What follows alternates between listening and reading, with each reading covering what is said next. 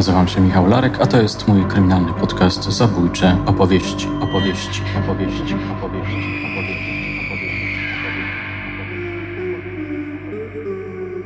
Teoria Tadeusza Węcla.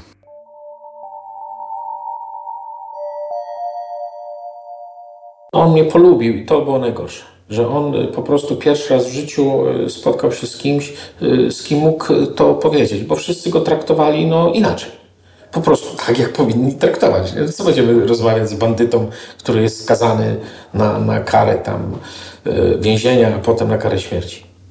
No nikt. On się pytał, czy według mnie Rada Państwa uwzględni. Ja mówię, absolutnie nie ma co liczyć na to, że uwzględni. Tym bardziej, że to jest organ archaiczny i mówię, te przepisy są też archaiczne, że Rada Państwa, jeżeli by miała uwzględnić, no to musiałoby być po Pana stronie coś, no i właśnie, a jak Pan uważa, ta moja teoria, to wszystko i to. I dlatego on tak twierdził, że zrobienie z tego w tej chwili jakiejś teorii, publikacja, bo my będziecie się wstydzić. Będzie Wam wszystkim wstyd, żeście zabili człowieka, który pomagał.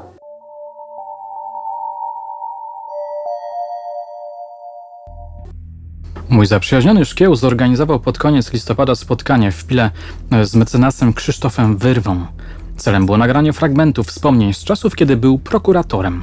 Szczególnie zależało mi na tym, aby ten znany pilski adwokat, przypominający trochę z wyglądu Martina Scorsese, opowiedział o dwóch sprawach: diabła z Wałcza, o którym przeczytacie za jakiś czas w książce, oraz o żonobójstwie, o którym opowiedziałem wam w odcinku zatytułowanym Satanista z Piły. Początek tego spotkania był jednak zaskakujący. Weszliśmy do gabinetu mieszczącego się w kancelarii przy ulicy Rodła, zasiedliśmy w wygodnych fotelach, gdy nagle gospodarz zaczął mówić o Tadeuszu Węclu, zabójcy, którego postać spopularyzował Sławomir Sulej w drugiej części Psów Pasikowskiego.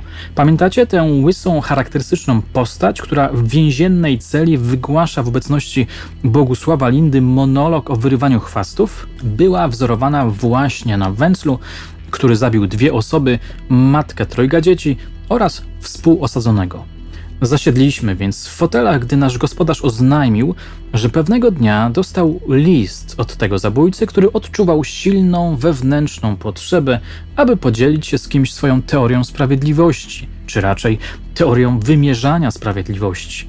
Otworzyliśmy szeroko oczy, nadstawiliśmy uszu, co zresztą pan mecenas wychwycił i zaczęliśmy słuchać, czasami o coś dopytując. Myślę, że ta krótka opowieść ciekawie rozwija portret dusiciela, który nie chciał być przestępcą. Tutaj oczywiście nawiązuje do rozdziału Spitawala Bydgoskiego, Jerzego Drendy oraz Bogusława Sygita. Posłuchajcie.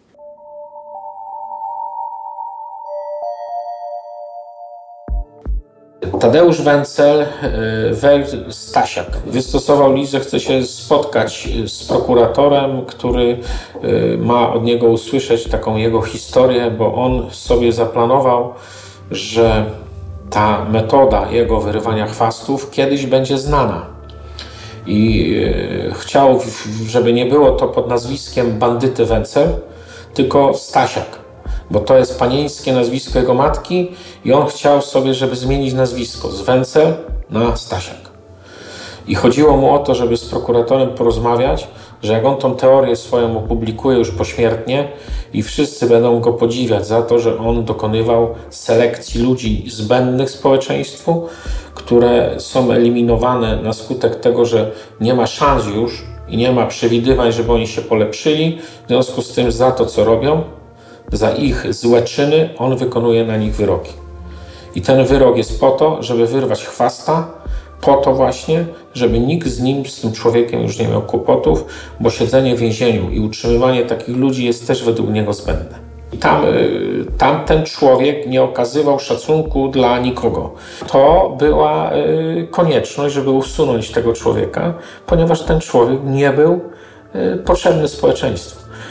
Na każde zadanie pytania, czy jakaś próba wymiany ocen najsłynniejszych postaci, to on wszystkich traktował, że to nikt nic nie warty, wszystkich lekceważył, y, papieża także uważał za nikogo, a to przecież był wtedy, w tamtych czasach, no, dla nas y, straszny autorytet, więc ten autorytet znieważał, mówił też jakieś brzydkie rzeczy również mówił o innych postaciach, że, że są do niczego, że są beznadziejni.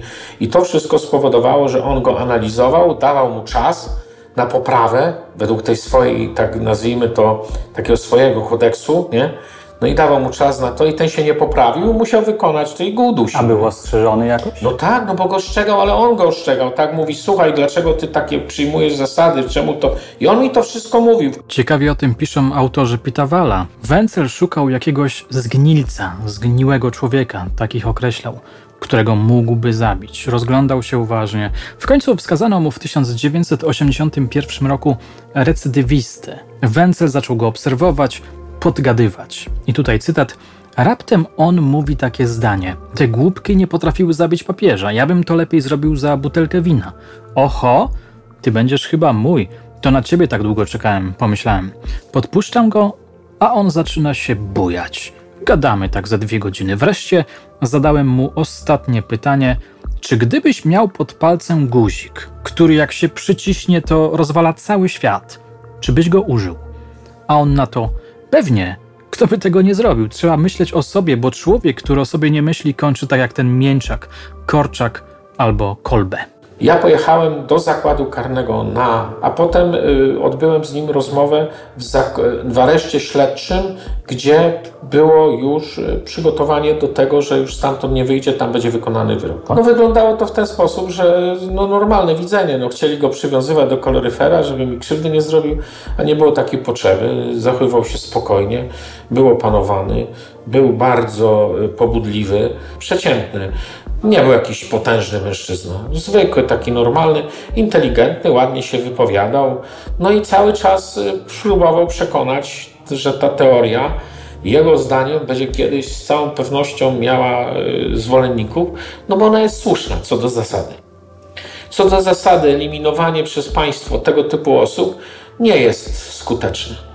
Takie osoby chodzą po wolności, często szkodzą y, swoim y, najbliższym, rodzinom, znajomym, y, szkodzą społeczeństwu. Jego zdanie było krótkie. Takie osoby nie powinny chodzić po ziemi. A czy on tę swoją teorię jakoś spisał? On miał spisaną i przekazał nam tą swoją teorię i zasady i to było w aktach sprawy. Z tego co pamiętam, było to w aktach sprawy. Czytał pan to? To znaczy, to była taka dosyć pokaźna, taka, jak on to zrobił. On tam opisywał te swoje morderstwa, no i pisał dlaczego i to. I, i dawał takie swoje y, no, y, zasady dotyczące tej jego teorii, tak? Że ta jego teoria z całą pewnością w przyszłości będzie znana i te zasady spisał, opisał i opisał, dlaczego tak robi. Czyli to było w jego takim kodeksie, który on sobie ustalił. E, podstawową zasadą jest, że człowiek powinien, jeżeli już trafił, żałować, odczuwać e, z tego tytułu e, jakiś żal czy ubolewanie, a nade wszystko starać się poprawić. Jeżeli nie ma poprawy, jeżeli ktoś nie ma zasad, jeżeli naprowadzany na to zasady nie chce ich przyjąć, to trzeba go wyeliminować ze społeczeństwa, bo jest to bardziej prosta i bardziej dla całego społeczeństwa zdrowa sytuacja. Pozbywać się po prostu kogoś, kto rozpowszechnia no, chwasty, czyli tak jak gdyby rozrasta się to gdzieś na ten atak, urywa się, wyrywa, cały chwast wyrwany z korzeniami, powoduje, że nie ma problemu już bo nie ma szans, żeby się coś z tym stało. Nie? Trzeba wyrwać z korzeniami i to wyrwanie z korzeniami to nastąpiło w celi, gdzie zabił współwięźnia i za to został skazany na karę śmierci. A jak pan zareagował na, na tę jego e, filozofię, na tę jego teorię? Najpierw to trzeba przyznać, że człowiek tak, no, jeżeli taki człowiek morduje i tak wyrywa te chwasty, yy, według tej teorii, to myśmy się tak nie za bardzo chcieli tam jechać, nie? No ale on pisał te pisma i wreszcie zdecydowaliśmy, że jednak pojedziemy. Nie? I przyznaję szczerze, że nie żałuję, ponieważ y, spotkanie się z takim człowiekiem y, to dawało dla takiego młodego prokuratora taki zadatek, no, no taka ciekawostka jest. No ja widzę, jak wy teraz słuchacie, panowie, nie? No bo to dla was jest też takie coś, no, no facet ma swoją teorię i on jest przekonany, że on zrobił dobrze. Czyli on się przyznaje do tego czynu, ale on cały czas y, mówił, że doszło do tego na skutek ich błędów, ich zachowań, a ja tylko wykonałem to, co do mnie należało. Czyli on się przyznaje do tego, że zabił, tylko nie przyznaje się, że zrobił to w celu pozbawienia kogoś życia, y, tak o, bez powodu i tak dalej. Jego motywacja była bardzo prosta. Wyrywanie chwastów, czyli y, takich ludzi, którzy takim swoim postępowaniem pokazywali, że innego wyjścia nie ma, że oni muszą być wyeliminowani ze społeczeństwa, a e, okres eliminacji e, przyjęty przez normy prawne i przez organy jest zbyt długi. I on to na swoim e, tym wiedział też, nie? że to bez sensu jest. No to się tu jedno, dostajesz drugie, idziesz, siedzisz tu i co? Nic to nie daje. Jak pan na to zareagował? Jak, jak w ogóle wyglądała rozmowa? On, on mnie polubił i to było najgorsze że on y, po prostu pierwszy raz w życiu y, spotkał się z kimś, y, z kim mógł to powiedzieć, bo wszyscy go traktowali no, inaczej. Po prostu tak, jak powinni traktować. Co będziemy rozmawiać z bandytą, który jest skazany na, na karę tam więzienia, a potem na karę śmierci? No nikt.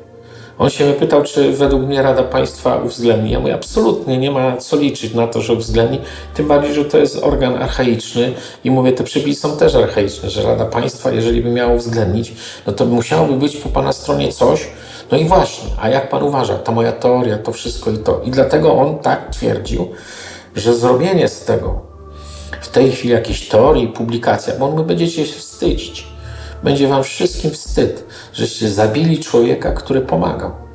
Czyli mogło być tak, że on sobie wymyślił tę teorię, aby dostać ułaskawienie. No proszę tak? popatrzeć, nie do końca, ponieważ on tą teorię głosił od dawna. On cały czas o niej mówił.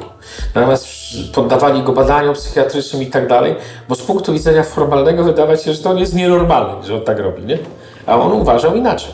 On wiedział, co robi. Doskonale wiedział. Miał pełną świadomość tego, co robi. Był I on to robił, czyli no, to, no u nas w tym naszym systemie prawnym niestety ta poczytalność i to wszystko, pan, panowie, czy wy wiecie, jak wyglądają badania psychiatryczne? To jest kilkunastominutowa rozmowa, odpowiedź na parę pytań i na tej podstawie stwierdzają, y, czy ktoś był poczytalny, czy niepoczytalny.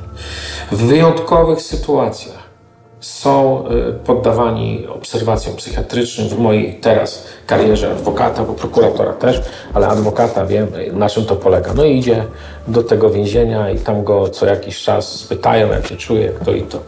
Jeżeli nie ma jakichś nadzwyczajnych sytuacji, to stwierdzają, że jest poczytalny. Czyli de facto y, osoby, które faktycznie mają jakieś zaburzenia, to w mojej ocenie nie są w stanie tych zaburzeń na podstawie tych naszych badań rozpoznać. Mhm. I często ludzie chorzy, autentycznie chorzy, tak? Mogą być skazani, uznając, że on jest w pełni władzy, wie co robi, wie co robił, jakie pytania. Moim zdaniem nie. A według pana Wencel? Wencel był? całkowicie był zdolny do tego i wiedział, co robi. Rozumiał, czy Wręcz przeciwnie. On to robił celowo, on to robił z zamysłem, on to zrobił, to, ale nie robił pochopnie.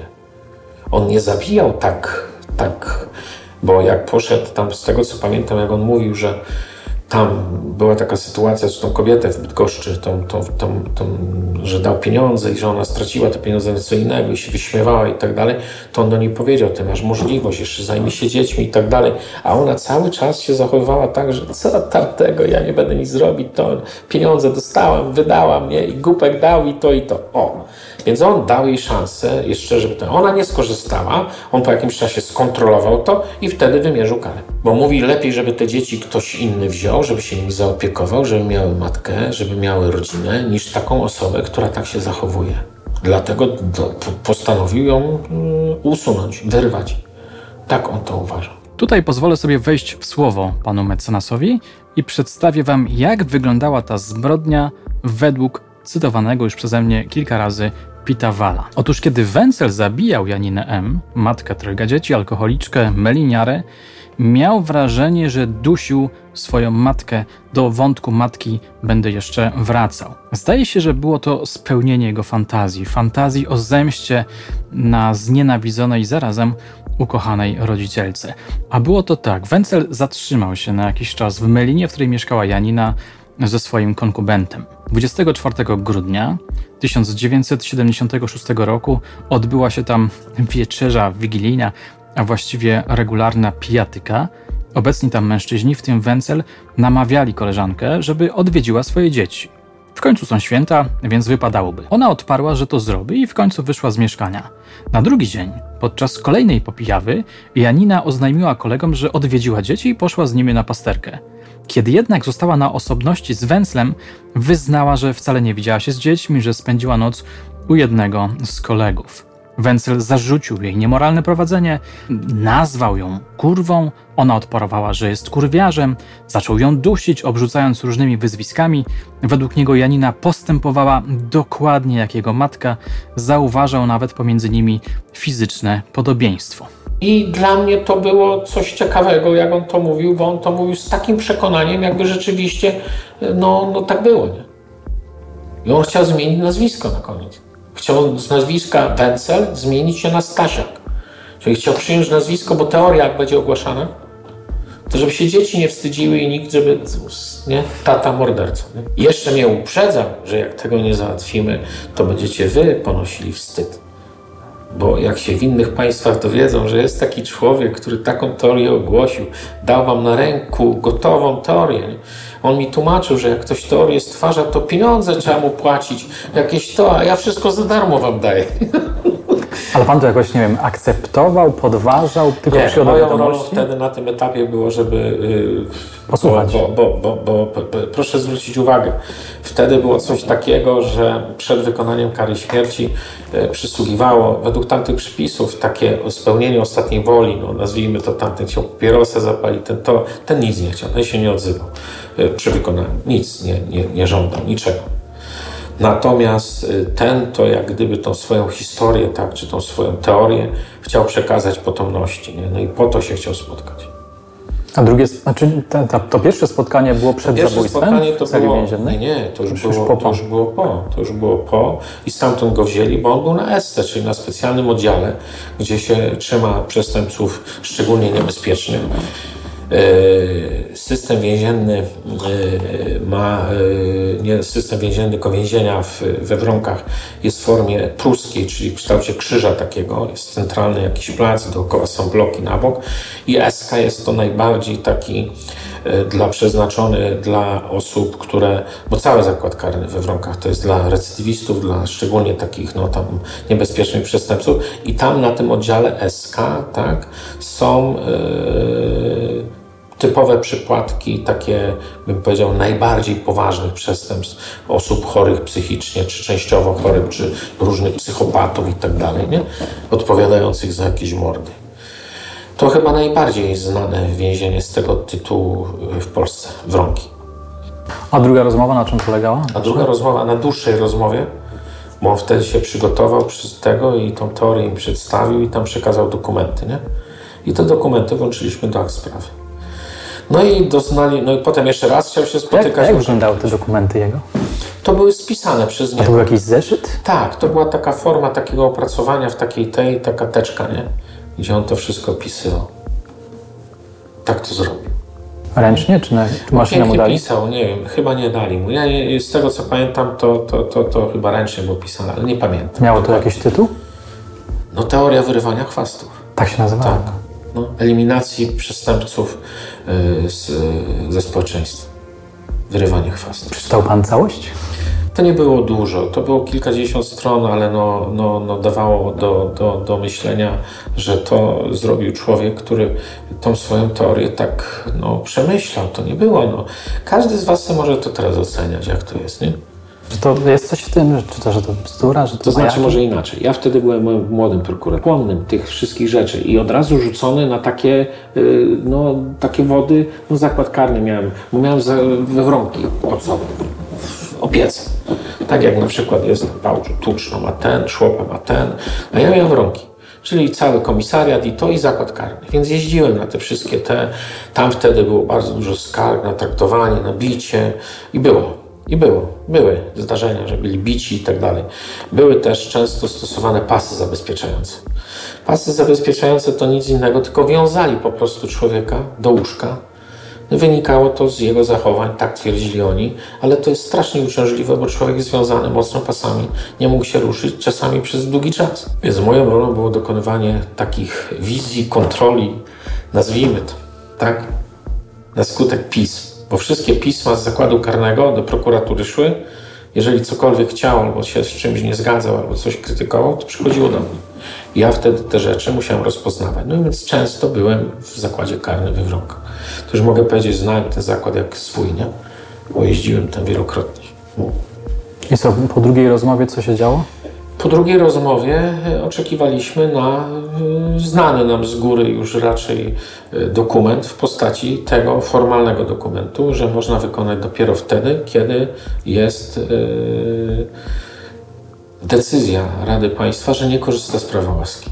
I wtedy to niekorzystanie z prawa łaski jest jednoczesnym wyznaczeniem terminu i się jedzie i się wykonuje karę. Ta wtedy było.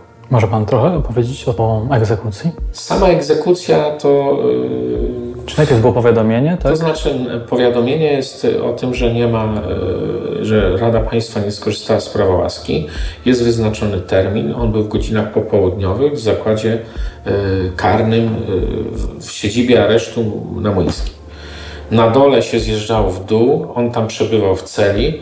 E, wyprowadzili go z tej celi, poinformowali, odczytali wszystkie wyroki. Obecny był przy tym naczelnik aresztu śledczego, lekarz, e, był prokurator prowadzący postępowanie, to był wtedy prokurator rejonowy z więc on był i do tego był, byli funkcjonariusze e, tej służby więziennej, no i osoby, które nazwijmy to wykonują tą karę. To było dwóch mężczyzn, normalnie ubranych w garnitury. Na rękach mieli rękawiczki, mieli też okulary. Tam, przeciwsłoneczne? Tak, tak, tak. No i... Zapadnia się zapadła? To znaczy nie, no, no, no, no to, to, to jest w ten sposób, że jest oddzielona taką barierą. Kto by chciał, to sobie może iść, no ale to raczej yy, jest specjalna taka jak u lekarzy, taka była zasłona. Po tej stronie, po tym, kiedy on nie skorzystał tam z tego już nic, to go przeprowadzili nie zachowywał się w żaden sposób. Y, Spokojny był? Tak, całkowicie. No i po krótkim czasie jest, y, była przygotowana trumna, tam go y, sprawdził doktor, potem umieścili wszystko, a obok jest pokój specjalny, taki z boku był, gdzie się spisywał protokół wykonania kary. No i się pisało, że był takim atakiem po czytaniu, wszystko to zrobione, wykonano, koniec o której godzinie, jak, co, że ten lekarz twierdził na podstawie tego, że to i wszystko, zakończono podpisy i koniec. Wbrew pozorom to nie jest nic ciekawego, to nie jest tak jak na filmach, nie? Że tam są jakieś ten, tu, tu to nie towarzyszyły emocje, nic. Sam fakt, y, że uczestniczymy w takiej sytuacji, że się obok dzieje coś takiego, no to to jest coś niesłychanego. Nie? Oglądał Pan e, krótki film o zabijaniu? Oglądałem, ale to nie ma nic wspólnego z tym. Tam y, to jest wszystko może inaczej. Y, w filmie jest, y, bo musi być to pokazane inaczej. No dramat musi jak, a, jakby, a, jakby, a jakby to pokazywać, jak tu, że Wencel wszedł, wyszedł, go zwieli, nic, nie szarpał się, nie tego, nie było awantury, się nie da, nie to. No przecież tam to było tak jak wrześni, nie? Siłą go prowadzili, tu, tego. Tam nic takiego nie było. Nie? Ktoś nawet powiedział, że dostają coś wcześniej takiego, co powoduje, że są tacy bardziej zobojętnieni na ten temat. Nic nie rozmawiałem, pytałem lekarza, lekarz mówi, że nie. Kiedy skazaniec wychodzi z celi, nie wie, że wychodzi. Nie. Najpierw, najpierw go, to znaczy on nie wie nigdy. Właśnie. On nie wie nigdy. Właśnie na tym to polega, że jak go wzięli z celi i go sprowadzili, on nie wiedział gdzie idzie i tak dalej. Natomiast dopiero potem jest informowany. Mo, może się już domyśleć, bo jeżeli jest taka grupa, że jest i po, funkcjonariusz i to i to, nie? no to widzi, że coś. Nie? No i poznaje też prokuratora, tak, który przyjechał. Nie? Tu znowu otworzę nawias i przedstawię Wam inną wersję, zaprezentowaną przez Grażynę Głaszewską w 1988 roku na łamach tygodnika Pilskiego. Nie chciałabym oglądać tej celi. Tam jest szubienica z pętlą, która zaciska się na szyi skazańca i jest zapadnia i czerwony guzik. Wystarczy tylko nacisnąć, a podłoga ucieka spod nóg. Wtedy jest koniec. Ostateczny. Tadeusz Wencel szedł do celi śmierci w asyście księdza, prokuratora, lekarza i naczelnika więzienia. Wydawał się jeszcze mniejszy, jeszcze drobniejszy niż był w rzeczywistości. Skulił się, trząsł cały i ocierał łzy, które wymykały się spod na wpół przymkniętych powiek. Stanął przed szubienicą, przeżegnał się szybko i dopiero wtedy podniósł głowę. Gdy kat zakładał mu na szyję sznur, oddychał głęboko, wodząc wzrokiem po twarzach obecnych, potem mocno zacisnął powieki. Jak widzimy, jest to zupełnie inna wersja ostatnich chwil zabójcy. A czy wcześniej Wencel wykazywał jakiś strach, lęk przed śmiercią? Wręcz przeciwnie. On y, właśnie te spotkania, które ze mną odbył, to to były jego... Przygotowania do śmierci? To, to znaczy mogę powiedzieć wprost, on wiedział, że tak będzie. Domyślał się, łudził się jak każdy człowiek chory na raka, że może się rak cofnie albo mu się uda, ale był przygotowany na to, że się jednak nie uda, że trzeba będzie zrobić. Tylko nie wiedział kiedy. A siedział dosyć sporo tam w tym więzieniu oczekiwał. To trwało miesiącami. Nauczyła Pana czegoś ta sprawa? To znaczy, nauczyła mnie tylko jednej rzeczy w zasadzie. Swoistej pokory, że ci ludzie, yy, nazwijmy to w cudzysłowie, przestępcy najbardziej takich, bym powiedział, no, no, przestępstw najcięższych, jakie mogą być, to mają też swoje, jak gdyby, życie wewnętrzne i oni też mają swoje racje i w tym wypadku to ta sprawa, chociaż ja do tego podchodziłem inaczej, prawda? No, nie podchodziłem tak jak Wencel, że on to zrobił dobrze i tak dalej, nie? No ale yy, potrafiłem yy, sobie wtedy uzmysłowić, że oni mają swoje życie, które jest niezależne od nich i dlatego tak bardzo mnie zastanawiało, czy on jest normalny, nie? że on taką teorię ma, że on sobie to głośno twierdzili, że tak. Bo długi czas tam to była walka, obserwacja, to trwało długo. Bo wtedy, w tamtych czasach, to mimo wszystko, żeby już tak tą decyzję podjąć, a było wiadomo, że taką decyzję trzeba będzie podjąć i można podjąć, no to żeby nie było, że ktoś będzie zarzucał, że to, no to zrobili mu badania, tam siedział gdzieś w mieście, gdzieś tam coś i się okazało, że jest zdrowy. Dlatego tak długo to trwało, bo on się odwoływał i tak dalej. On tą teorię głosił wszędzie, nie? Że on tak zrobił, się przyznawał, ale mówił dlaczego tak szczerze mówiąc, nie można tu oczekiwać, żeby ktoś, kto taką sprawę prowadzi, się czegoś nauczył. No bo, no bo tu, tu jedynie można tylko powiedzieć, że takich spraw, gdzie y, rozmawiałem z takimi ludźmi i różne rzeczy opowiadali, i często właśnie się tak broniąc próbowali okłamywać, zrzucać na kogoś, a on nigdy. On zawsze mówi, ja jestem winien. Ja jestem winien. Ja muszę ponieść karę, ale ja muszę wam pomóc, bo wy sobie nie dajecie rady. W związku z tym ja wchodzę Wam i Wy zamiast się cieszyć z tego tytułu i dać mi szansę, tak, to Wy mnie chcecie też wyeliminować. A ja wiem, dlaczego to robię. Żeby Wam pomóc, żeby społeczeństwo nie nosiło na ziemi takich ludzi. A on o sobie on o sobie mówił... był skromny, on mówił, że on był zły, że on był źle wychowany, że on miał ciężkie dzieciństwo, że to... I on mówi, że on wie doskonale, dlatego dopuszczał się przestępstw. Przecież to nie było jedny, on przestępstw dopuszczał się, robił je z różnych. Raz, że był głodny, e, raz, że chciał, dwa, że był pod wpływem alkoholu. Jak on wyglądał? Jaka, jaka była jego fizyczność? Średniego wzrostu, 1,70 m parę, lekko łysawy, tu jakieś takie miał na, na, na ten taki, taki niezbudowany jakiś, nie jakiś taki e, wysportowany, nie taki, jak to mówią, byczek, tylko taki przeciętny mężczyzna. No, taki, bym powiedział nawet, że niepozorny, nie sprawiający wrażenia jakiegoś takiego wyjątkowego. No, zwróćcie uwagę, to, kiedy to było, to było 40 ponad lat temu, nie? Ale pamiętam go jako takiego przyjemnego, spokojnego, nienawiedzonego. A jaki miał głos?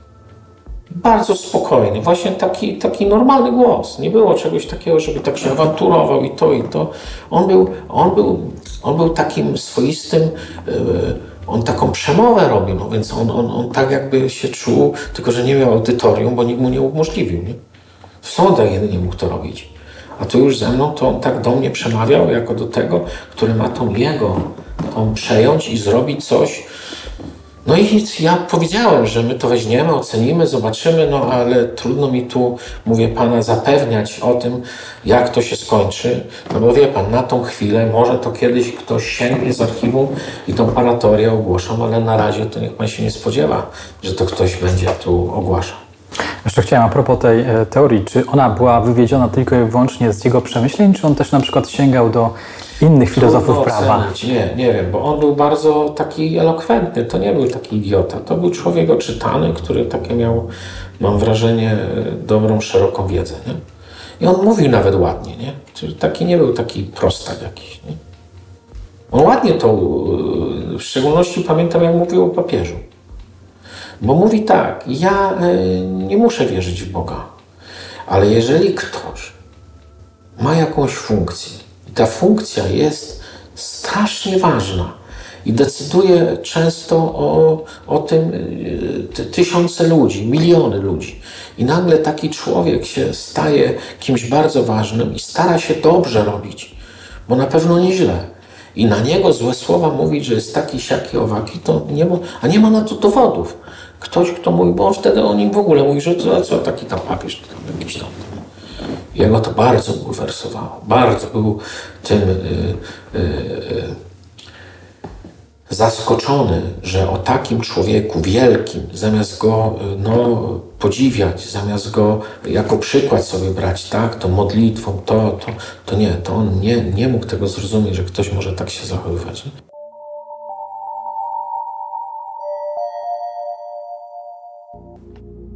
W ramach uzupełnienia opowieści mecenasa Wyrwy zaprezentuję Wam teraz najważniejsze punkty życiorysów Węcla, który urodził się 24 lutego 1948 roku.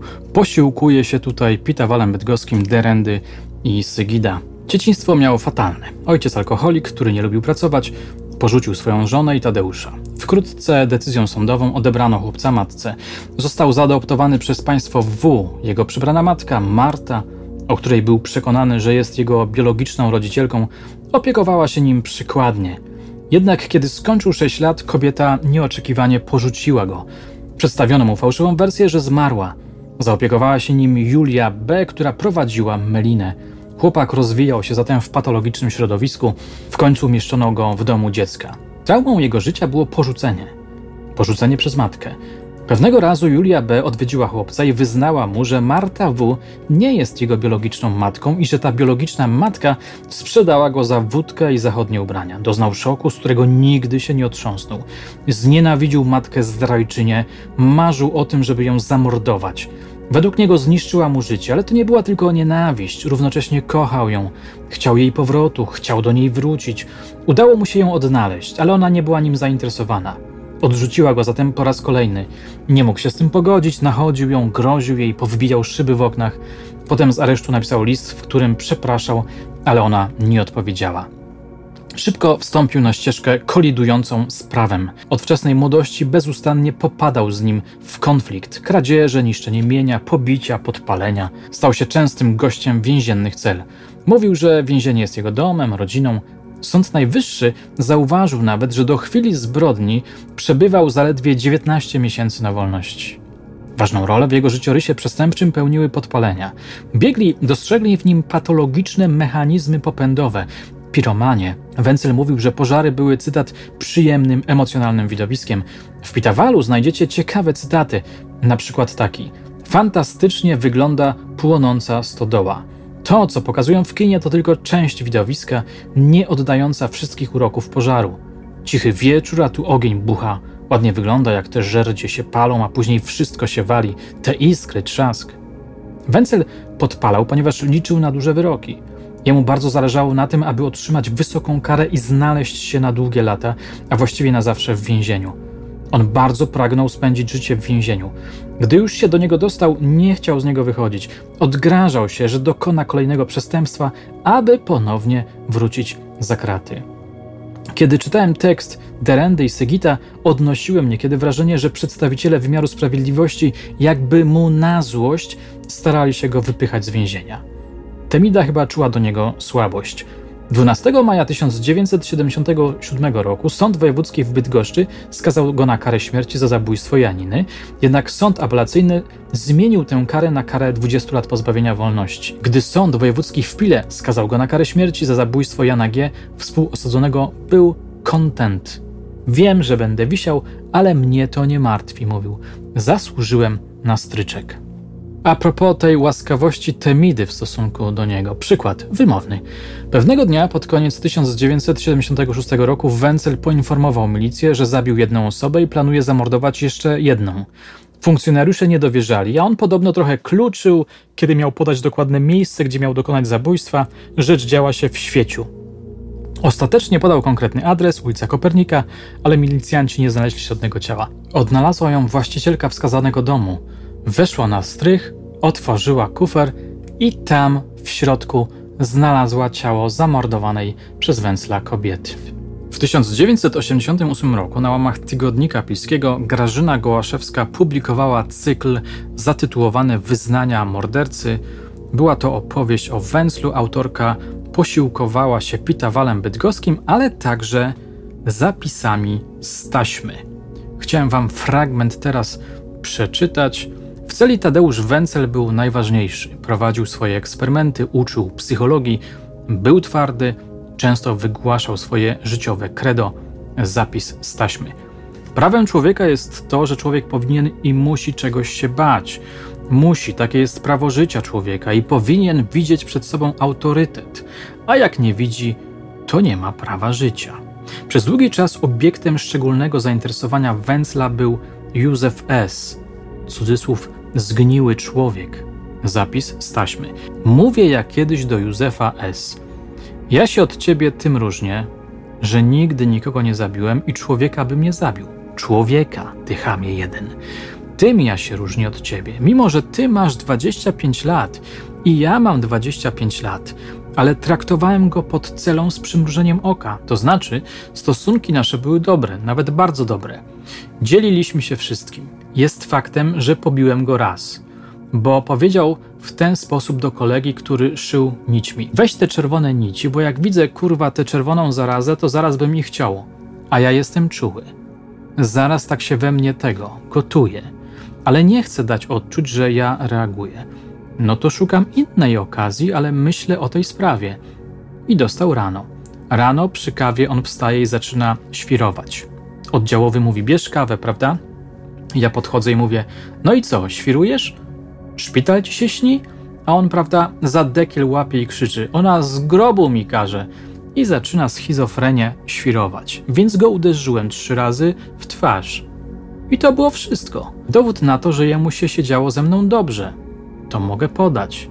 Jak go pobiłem, to powiedział do psychologa i wychowawcy: Proszę mnie nie przerzucać, ja nigdzie nie idę od węzla. Dostałem, nie mam pretensji, raz tylko mnie pobił, dobrze mi się z nim siedzi.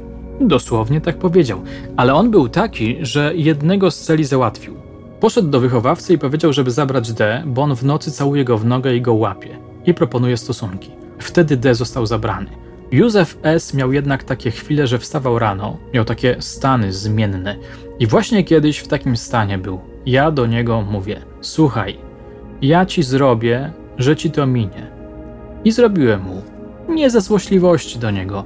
Założyłem mu ręcznik na szyję, to jest fakt, i mówię, że mu wyłączę na chwilę świadomość i że poczuje się po tym lepiej. I to jest fakt. Założyłem mu ten ręcznik, ścisnąłem lekko, nie stracił przytomności, nic. Konwulsję tylko dostał. Puściłem, bo wiem, kiedy trzeba puścić. Oddech złapał i faktycznie czuł się lepiej. Czyli regulowałem mu w ten sposób jego samopoczucie, co wyszło dla jego dobra. Zrobiłem mu tak dwa razy, ale nie przez siłę. Nie przez premedytację, nie w ten sposób, choć on zasługiwał na to, żeby go powiesić. Nieraz miał takie wypowiedzi swoje brudne i ja bym go powiesił, ale miałem inne względy. No i bądź co bądź, Wyjmował często zdjęcie Jana Papieża i mówił: To jest wielki człowiek. Czyli widział przed sobą autorytet. I to mu uratowało życie, bo gdyby nie, to ja bym go wyeliminował. Proces Węcla w sprawie zabójstwa Janiny M. rzuca na niego ciekawe światło. Zachowywał się na nim kuriozalnie. Przypominał mi trochę postaci z surrealistycznych powieści czy skeczy Monty Pythona tak jakby odgrywał rozpisaną przez siebie wcześniej rolę. Krótkie dwa cytaty z Pitawala. Na procesie Tadeusz Wencel powiedział, że nie nazywa się Tadeusz Wencel. Mam jedynie dokumenty Tadeusza Wencla, mówił. Nazywam się faktycznie Zbigniew P. Urodziłem się 24 stycznia 1924 roku. Moi rodzice zamieszkali na planecie Halley. Posiadam średnie wykształcenie, zdobyłem je na Bermudach w 1500 roku. Do 18 roku przebywałem w Hamiltonie i tam pracowałem w sprawach tajnych. Ja nie przebywałem nigdy w domach dziecka, w zakładach wychowawczych względnie poprawczych. Tam przebywał Tadeusz Wencel. Mam jego zmysł pamięciowy. Wiem o nim wszystko i dlatego przybyłem tutaj na salę. Kiedy Wenzel był ekshumowany przez doktora Frankensteina, zdobyłem jego dowód osobisty. On zginął w katastrofie lotniczej pod Krakowem. Jeszcze jeden ciekawy fragment z Pitawala. W dniu 25 grudnia 1976 roku byłem w mieszkaniu Jerzego K. przez jakiś czas sam na sam z Janiną M. Przyznała mi się, że na Wigilię nie była u swoich dzieci. Wówczas Tadeusz Wenzel zasugerował mi, że to będzie chyba jego matka. Doktora Sorge pytałem o wywiad odnośnie Janiny M. Był to wywiad telepatyczny. Powiadomiono mnie, że jest szmatą pozbawioną uczuć nie tylko matczynych, ale i człowieczych i że należy ją unieszkodliwić, czyli zabrać jej życie, bo nie zasługuje na nie. Dałem jej szansę usprawiedliwienia się, dałem jej trzy minuty, nie otrzymałem jednak odpowiedzi, na jaką liczyłem. Ciekawi Was zapewne, co orzekli o jego psychice biegli psychiatrzy. Podaje za Pitawalem po zabójstwie Janiny M. Po jednorazowym badaniu lekarze psychiatrzy nie stwierdzili choroby psychicznej ani niedorozwoju umysłowego. Według nich miał nieprawidłową osobowość, orzekli psycho i socjopatię, twierdzili, że w chwili popełnienia zabójstwa miał ograniczoną zdolność kierowania swoim czynem, nie w stopniu znacznym.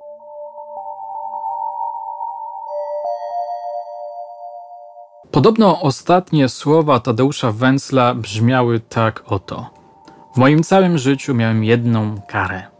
To, że nie miałem ojca i matki i że nie miałem możliwości być jednym z siedzących tutaj, czyli być w społeczeństwie, że nie miałem tej możliwości.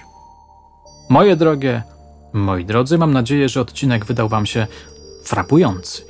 Zachęcam do lajkowania, komentowania, udostępniania, dzielenia się ze mną i innymi swoją wiedzą. Na dzisiaj to wszystko. Dziękuję Wam za uwagę. Do usłyszenia już niebawem.